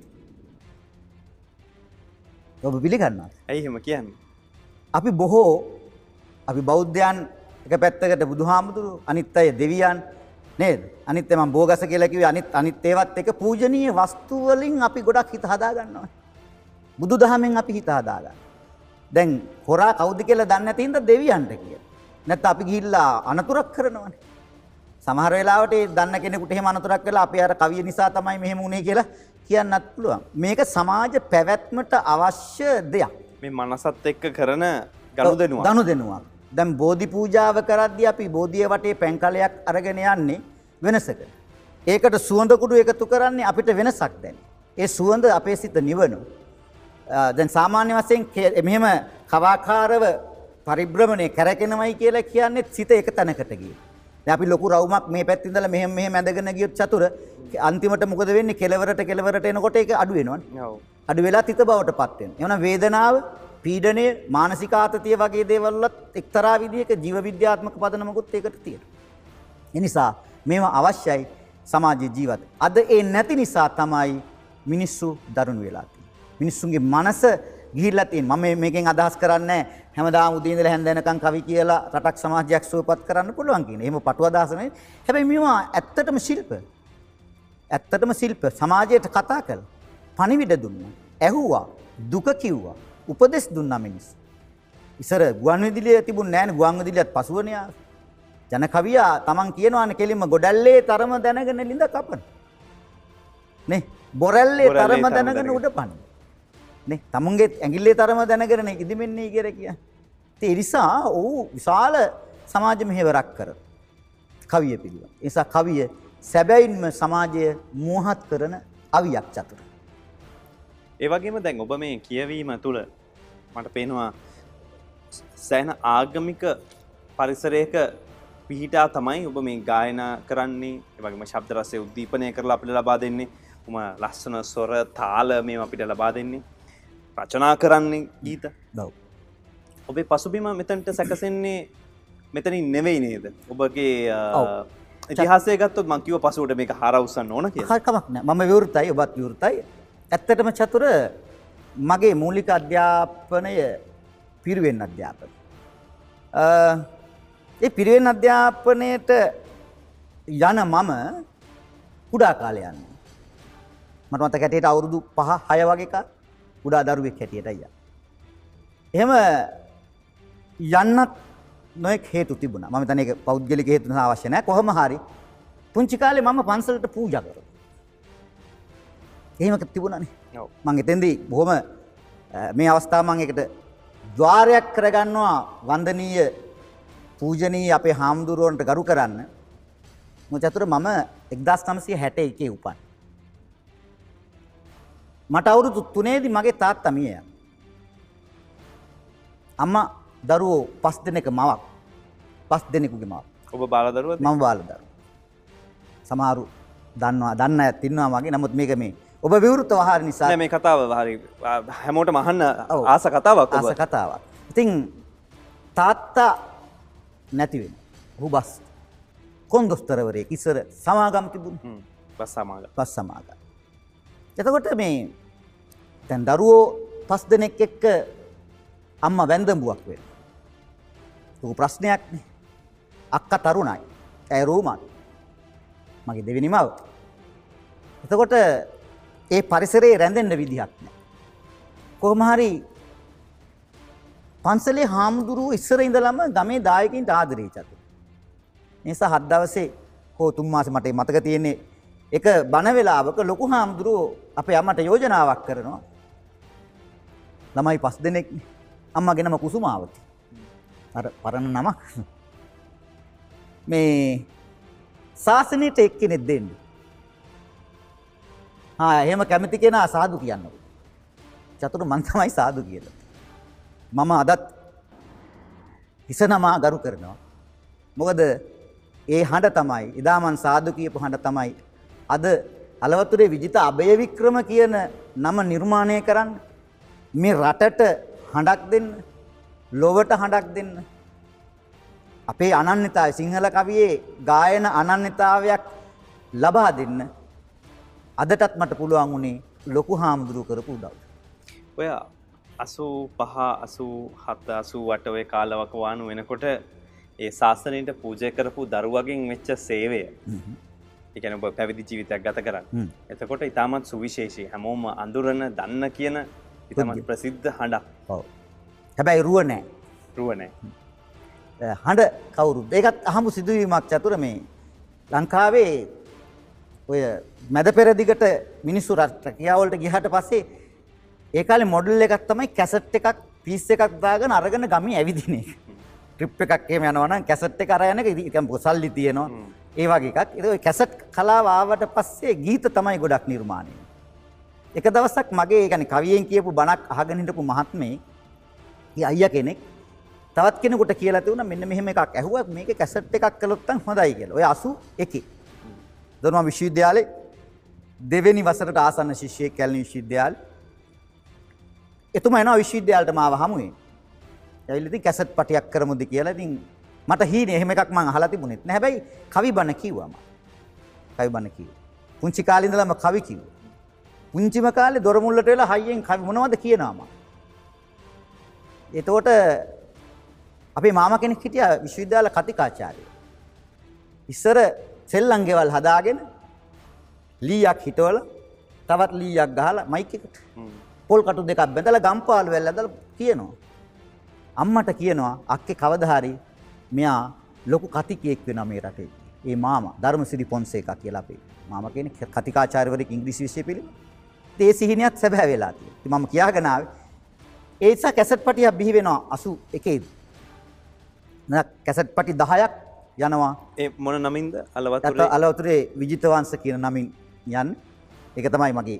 ඒ කැසට් පටි ගත්ත තරබ කියෙන මාකට් නම ඉටසේ දෙ අලවතුරේ කියෙන නම ඉවත් කරන්න බෑ. උපන් ගම අපිට ආපු නිසා. නිර්මාණකරුවෙක් හැටියට. අද ඒ ගම කිවසැනින් දන්නවන. එතකොට නිර්මාණකරුවෙක් හැටියට මට ලොකු සතුටක් තියෙනවා. මම එබදු දෙයක් කළ කෙනෙක් හැටියට සතුට වෙනවාද ලක්ෂ ගානක් මිනිසුන් සවන් පත් සඳහා ගන්නවා. ඒ මගේ ව්‍යයාම. එතට ඔබට තිබුණා අලවත්තුරේ විදිත වංච ආම්දුරුව කෙල් දැනගත්තු නම අලවතුරේ අයින් කළ ජානක රුවන් අපි කැමති නමක් දාගෙන හෙම එන්න. ඔබ එහෙම කරන්නේ. ඒ නමේ ඉතිරි කොට සත්තියාගෙන හ්ම්. විජිත කියල කොට විජිත අනික් කොටස එකතු කරගෙන මේ ඉදිරියට එනවා එතකොට දැන් සම්පූර්ණ ඒ වෙලා හිතෙන්න්නද මම පැවිදි ජීවිතයන්දල ම මේ ගිහි ජීවිතකට අපහ වෙනවා තොට මේක නම දැකපුගම් මේ ගැටීමක් වෙනවා. මෙහිදම වෙනස්ම වෙලා වෙනස්ම පැත්තකට ගිල්ල පොඩ්ඩක් හැඟිලා හිටියන මේ ප්‍රශ්නය හොඳයි මේ සමාජයට මුණ දෙන්න ප්‍රශ්නයක් වෙන එකක් නෑ හමුණොත් කිය හිතුන් නැද චතුර මේ පැවිදි උපැවැදි කියන කතන්දරේ තියෙන්නේ මේ සමහර රටවල් වල තමයි මේක මේ වැරදි වැරදි කෝණකින් බලන්න. දැන් තායිලන්තය බුරුමය ඒ වගේ රටවල් ගත්තොත් රජ්ජුරුවත් මාන වෙලායින්. අනිවාරෙන් ඒක ශික්ෂණයක් ඒ තියෙන එහෙමත් තමයි අනිවාර්ම විවාහයක් වුණ තව මහන් පුළුවන්. ඒකන යහන් අපේ රට ඉතින් පොඩි වපරයක් තියෙනවා නමුත් මිනිහෙක් වුණහම චතුර ආත්ම ශක්තිය තියෙන පළවෙනිදී. අනිත් එක තමයි මගේ උපැන්න සහතිකයේ නම විජිතාබේ වික්‍රම. තාත්තා අම්මා තාත්තා දුන්න නම විජිතාබේ වික්‍රම. එතකොට ඒ ඒ නම ඉතින් මගේ නමනේ. මං ඒ පැවිදි වෙන්න කලින් ඒ නම පාවිච්චි කළා. අලවතුරේ ඊට පස්සේ නිර්මාණය වුණා. ඔහු කවියෙක් වුණා, දේශකයෙක් වුණා. මිනිසුන් මාව වැළඳගත්තා. ඊට පස්සේ ඉතින් ඒ නම තමයි මගේ නම. නචසෝ නච අඤ්ඤෝ කියලා pāli වචනයක්. ඔහුත් නොවේයි, ඔහු නොවන්නෙත් නොවේයි, ඒත් ඔහුමය. චතුස්කෝටිය චතුස්කෝටියක්. ඉතින් ඒ නිසා ඒක ගැටලුවක් නෑ. මොකද අනිත් එක අපි කිසියම් සමාජයට මෙහෙවරක් කරලා. අනිවාර්යයෙන්. ඔව්. අද අද ගත්තොත් අර ඒ වචනේ මම කියන එක හරිද දන්නේ නෑ. සමහර අය ඉතින් කොපි කරනවානේ දැන්. ඉතින් කොපි කළ හැක සම කළ නොහැක ඔබ හරි දෙය කිව්වා. දැන් මේකට ඔබ කියෙන ආත්ම ශක්තිය තියෙන්න්න ඕනනේ ඔව්. එලියට ආවම අපි දකිනව සාම්ප්‍රදායික සමාජයේ භික්‍ෂූන් වහන්සේ නමක් විදිහට ඉඳලා එඩියට ආපු ගමන් අන්න හීරලුව හ්ම්. සරමදාලා සිවර දාලන්න සරමදා, ඔව්. එම මේක තියෙනකන. සමාජ මතය. තර මේකට එරෙහිව නැගී හිටලා පවුල විවාහපත් වෙලා දරුවලාබලා ඒ දරුවන්ට මගේ පරණ ජීවිතය හින්ද යම්මාකාරයක පස්සෙ කාලෙක හරි නොහොඳක් එන්න පුළුවන් කියලා එහම සමන හිතනවන්. ඔබ ඒ සියල්ලට මුහුණ දෙනවා. අපි මිනිස්සු. මම කියවනේ ආත්ම ශක්තිය කියලා කතාවක් තියෙනවා කිය. මට ඉතිහාසයේ මට ගැටලුවක් නැත්තම් තවත් කෙනෙක් ඒක ගැටලුව කරගන්නවා නම් ඒ අනුන්ගේ කුණු අවස්සනයනේ ජත මට මොකද? අනිවාර්යෙන් ඔව්, මම කාගේවත් එහෙම කුණු අවස්සන්නේ ගියේ නෑ මම විවෘතයි.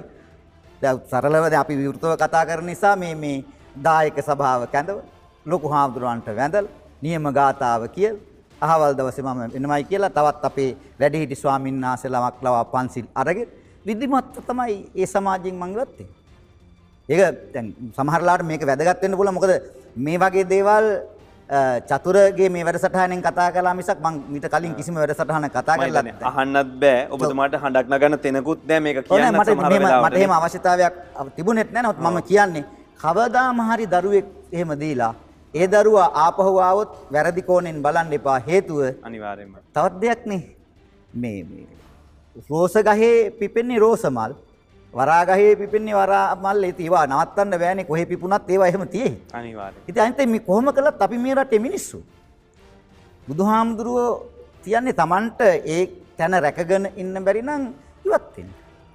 දැන් රහත් වෙච්ච ගියොයි තත්තපාණි කියන බුදුහාඳුරම සමහරලාට කියලා දෙනවා. මම ඒක සමක් සම කරන්න යන්නේ සම වෙන්න වැරදි වැටීම නේ මගේ. දහම එහෙමයි. ඉතින් ඒක Tamanට ගැළපෙන විදිහට බැරි නම් වඩා හොඳ ඉවත් වීම. එමනේ. අනිවාර්යෙන් ඉවත් වීමනේ. ආවිකතයිස පාසුවාවෝ. වැමෑරීම පාසුවට මගයි.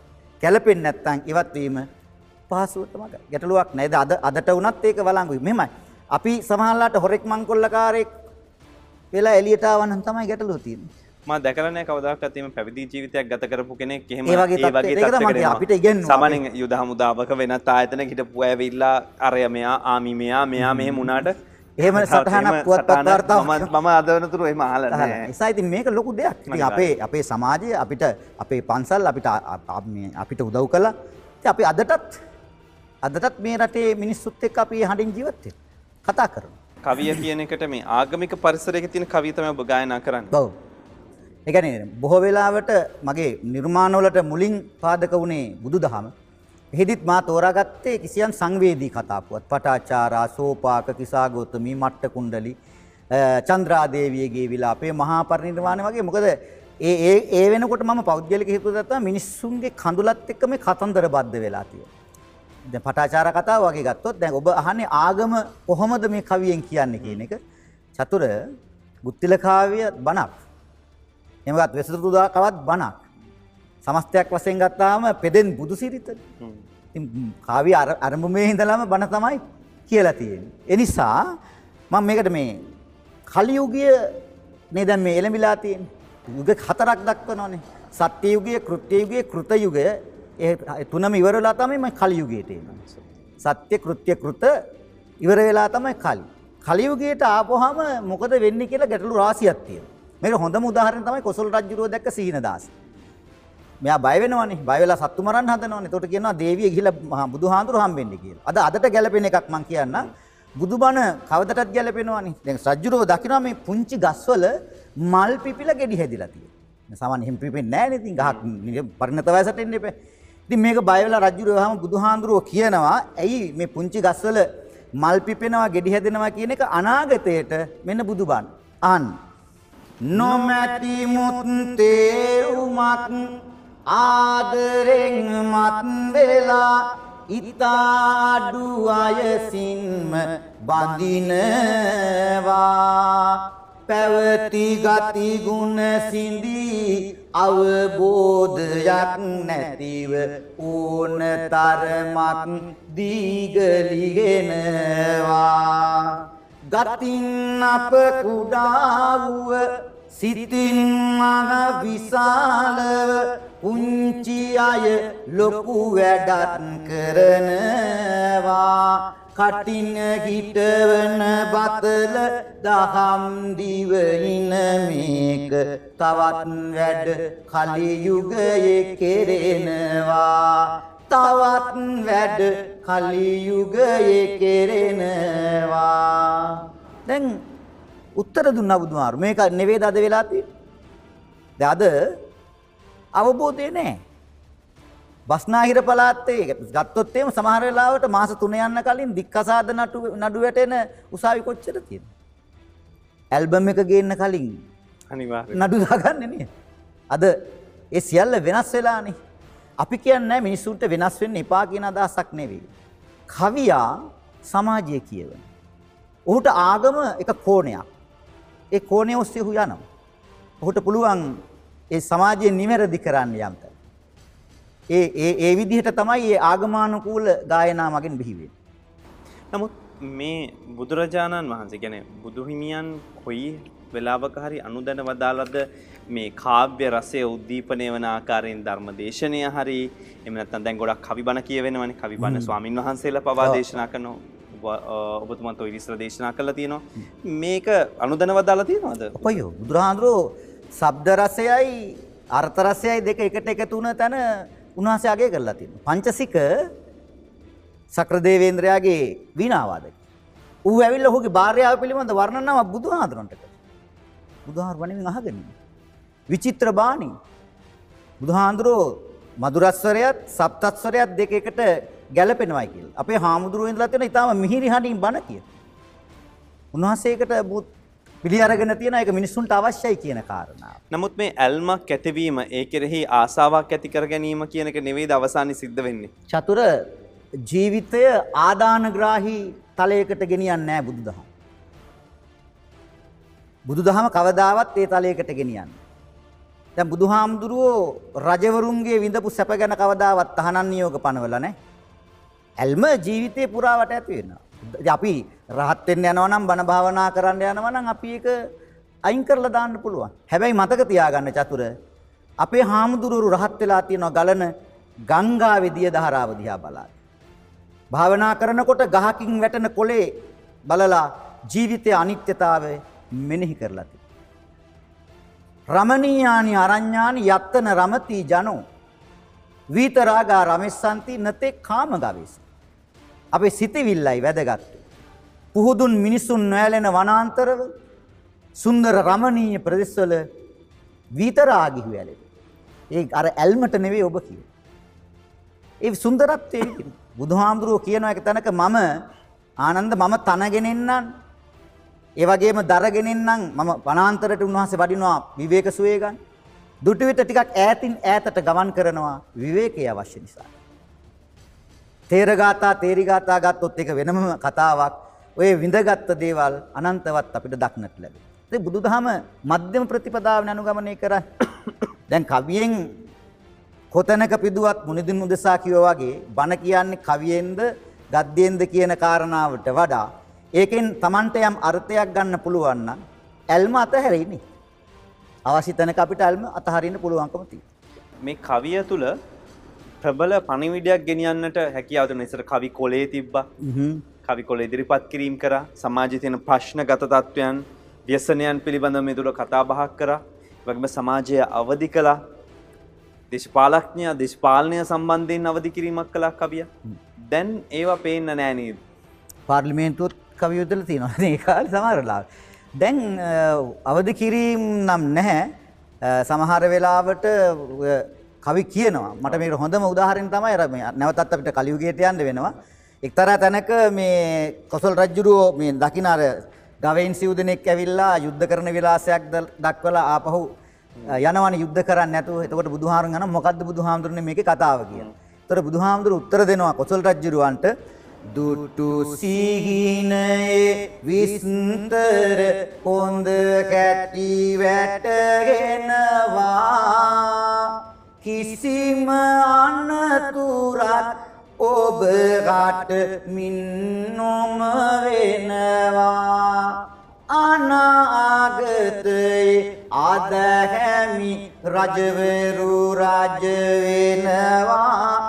එකාලට වෙන සිදුවෙන දේවල් මින් කියවෙනවා. මිනිසුන් අද හැමිව මුදලට තැන දෙන්නේ වන ගැබ කපා පරිසරයද වනසන්නේ එනිසා නිසි කලට වැගිපල නැහැ දෙන්නේ ගොරවනවා මිසක් නැහැ මහා වැහි එන්නේ මේක ව්‍යංග්‍යාර්ථවත් යදුමක් චතුර ගොරවනවා මිසක් නැහැ මහා වැහි එන්නේ අපි වහි වහි කියලා හිටියට ගොරෝලා අහස ආයෙත් අකීකරුව නියඟේ සහ විඩාව රස්නය අපිට ලබා දෙන්න. මට පේන්නේ කොළඹ යුගයේ කවීන්ගෙන් පසු. සිදු වුණු සාහිත්‍යමය පිබිදීමේ මා දකින අවසන් කොටසේ වගේ සමහර විට ඔබතුමාලා ඉන්න ඇත්තේ. මමත්. කොළඹ යුගයේ කවියෙත් පැරණි පරම්පරාව නූතන පළවෙනි දෙවෙනි කියලා පරම්පරා කිහිපයක් අපිට දක්නට ලැබෙනවා. මේකේ තියෙන විශේෂත්වය තමයි කොළඹ යුගයේ කවින් කවි ගායනා කළ අඩුයි. පීබීඑල් ස්පිරලා ඉඳලා මීමන ප්‍රේමතිලක එච්.එම් කුඩලිගම ඒ ඒ පැත්ත අරගෙන එනකොට අරිසෙන් අහුබුදු සූරීන් දක්වා එනකොට වර්තමාන අපේ අලුත් කවියන් දක්වාම එනකොට උන් බොහෝ වෙලාවට කළේ කවි ලියපු එකනේ. ඉතින් මහා විශාල අර්ථයක් තියෙන සමාජ මෙහෙවරක් තියෙන මහා පදාසයක් වුන් කතා කළා. දැන් මට තියෙන විශේෂත්වය තමයි මේ ගායනය. කිසියම් ශබ්ද රසය තුළ මේ ජනතාවට සමීප වීම තමයි දක්නට ලැබෙන්නේ. ඒකට විද්‍යුත් මාධ්‍යයට ඉස්සෙල්ලාම මේ කවිබණ කලාව හඳුන්වා දෙන්නේ මම. ඒ නිසා ඊළඟට පානදුරේ අරියදම්ම හාමුදුරුව අපි එක්තරා සමකාලීන යුගයක පිරිසක්. මොකද බෝධි පූජා තිබුණා. හැබැයි අරියදම්ම හාමුදුරුවන්ගේ කටහඬ හරි මිහිරි. උන්වහන්සේ අපේ අවසනාවර්ද දන්නේ අපවත් වුණා කල් ඇතුව. නමුත් උන්වහන්සේ නිසා මට මතකයි මේ බොහෝ වැරදි කරපු අය හාමුදුරුවන්ගේ බණ අහලා නිවැරදි. සමාජයට එබඳු සේවයක් කරන්න පුළුවන් නම් චතුර කවියද නේද? පැවිදිද උපැවිදිද කියන කාරණාව මම හිතන්නේ. කිසිම අදාළත්වයක්. අනිත් එක දැන් අද අපේ කොච්චර ඉන්නවද උගත් පිරිසක් මේ වගේ මෙහෙවරක් කරන ශාල විද්වතුන් රාශියක් නියෝජනය කරන රටක්. සම්මාන සහතික ගොඩාක් නැතුවට ඒ හැම හැම කෙනෙක්ම සුවිශාල මෙහෙවරක් රටට කර. දැන් මේ මෙහෙවර අපිට පේන්නේ නැතුව එන්න එක හේතුවක් තමයි තිබෙන මාධ්‍ය අවකාශය සීමිතයි. ඒ තුල අපි දකින හැමදාම දකින බුද්ධිමතුන්නේ හඳුනා ගන්නා පිරිස ඕ ඒ දේශපාලඥයෝ පිරිසක් ඒවා අරගෙන අපි ඇතුළ අපේ විවේචන තියෙනවා අපිට මේ චෝදනාව අපි එල්ල කරගන්නවා නම් මං ඇතුළු අපේ මාධ්‍යට. ඒතර මේගොල්ලන්ට හැම වෙලාවකම මේ ඉඩ කඩ වෙන් කරලා දීලා ඒගොල්ලෝ ඉඳද්දි මේ බුද්ධිමතුන් යටපත් වීම කියන කාරණය ඔව් ඒක තමයි අර කලියුග කාලේනේ චතුර. හොඳ දේවල් ලාපූනි සීදන්ති සිලාප්ලවන්ති නේද? ඒ කියන්නේ කළුගල් පාවෙනවා. නේ ගොමරිටි යට යනවයි කියන කාලයක් තියෙන්නේ. ලබු කබල් උඩ උඩ කිය- තමයි. ඒ වගේ කාලයක් තියෙන. ඉතින් අපි ඒක කාටවත් මොනම් පෞද්ගලිකව චෝදනාවක් එල්ල කළ යුතු වන්නේ නැහැ. හැබැයි ඔබ කියන්නේ අඩුව තියෙනවා. ඔබ කියන අඩුව තියෙනවා. මං කියන්නේ දැන් ළමයි හරි ආසයි. ඔබ දන්නවද හිතවන කවියට අපේ රටේ කොච්චර තැනක් තියෙනවද කියලා? ප්‍රශ්නේ තියෙන්නේ දැන් අහන්න නැහැනේ. එහෙමත්ම කලාතුරකින් තමයි හිතවන කවි. ඉතින් ඒවා ඇතිවීමට හා නැතිවීමට අඩුවීමට විවිධ හේතු තියෙනවා හැම පැත්තෙම. නමුත් ඒවා ඒවට මාධ්‍යෙන් අවකාශයක් ලබා දෙන්න ඕන. දරුවන්ට දැන් අපි හිතමුකෝ මන් දන්නා තරමින් ළමා කවි සමාජයක් නිර්මාණය වුණොත් මොකද වෙන්නේ? අගනුවර තරුණ කවි සමාජය වගේ එකක් තිබුණොත් නේද? ඔව්. ඒ තරුණයෝ ඉතින් අගනුවර තරුණ කවි සමාජයේ අපි බොහෝ එහෙම ගත්තත් වැඩි හිටියෝනේ ඉන්නේ ගොඩක් අය. මම කියන්නේ ඒක ළමයින්ට කවි ගයන්න, කවි කියන්න, කවි අලුතෙන් ලියන්න තෝතැන්නක් මාධ්‍ය මගින් බිහි කළ යුතුයි කියන ඉන්නේ. යමෙක් බිහි කරනවා නම් උදව් කරන්නත් අපිට පුළුවන්. එමනම් අපි වැඩසටහන අවසන් කරමු ආශිර්වාදාත්මක කවියකින්. හොඳයි චතුර දෙන්න තියෙන ප්‍රධාන පණිවිඩයක් තිය. ඒ තමයි කවියට නිසි තැන දෙන්න. අධ්‍යාපනයේදී කවිය විතරක් නෙවෙයි සාහිත්‍යයට දරුවන්ගේ දරදඬු ගතිය සිලුටු කරන දෙයක් සාහිත්‍යය කියන්නේ. ඒ නිසා ඒ සාහිත්‍ය වගේ දේවල් වලට අපි වැඩි තැනක් දෙමු.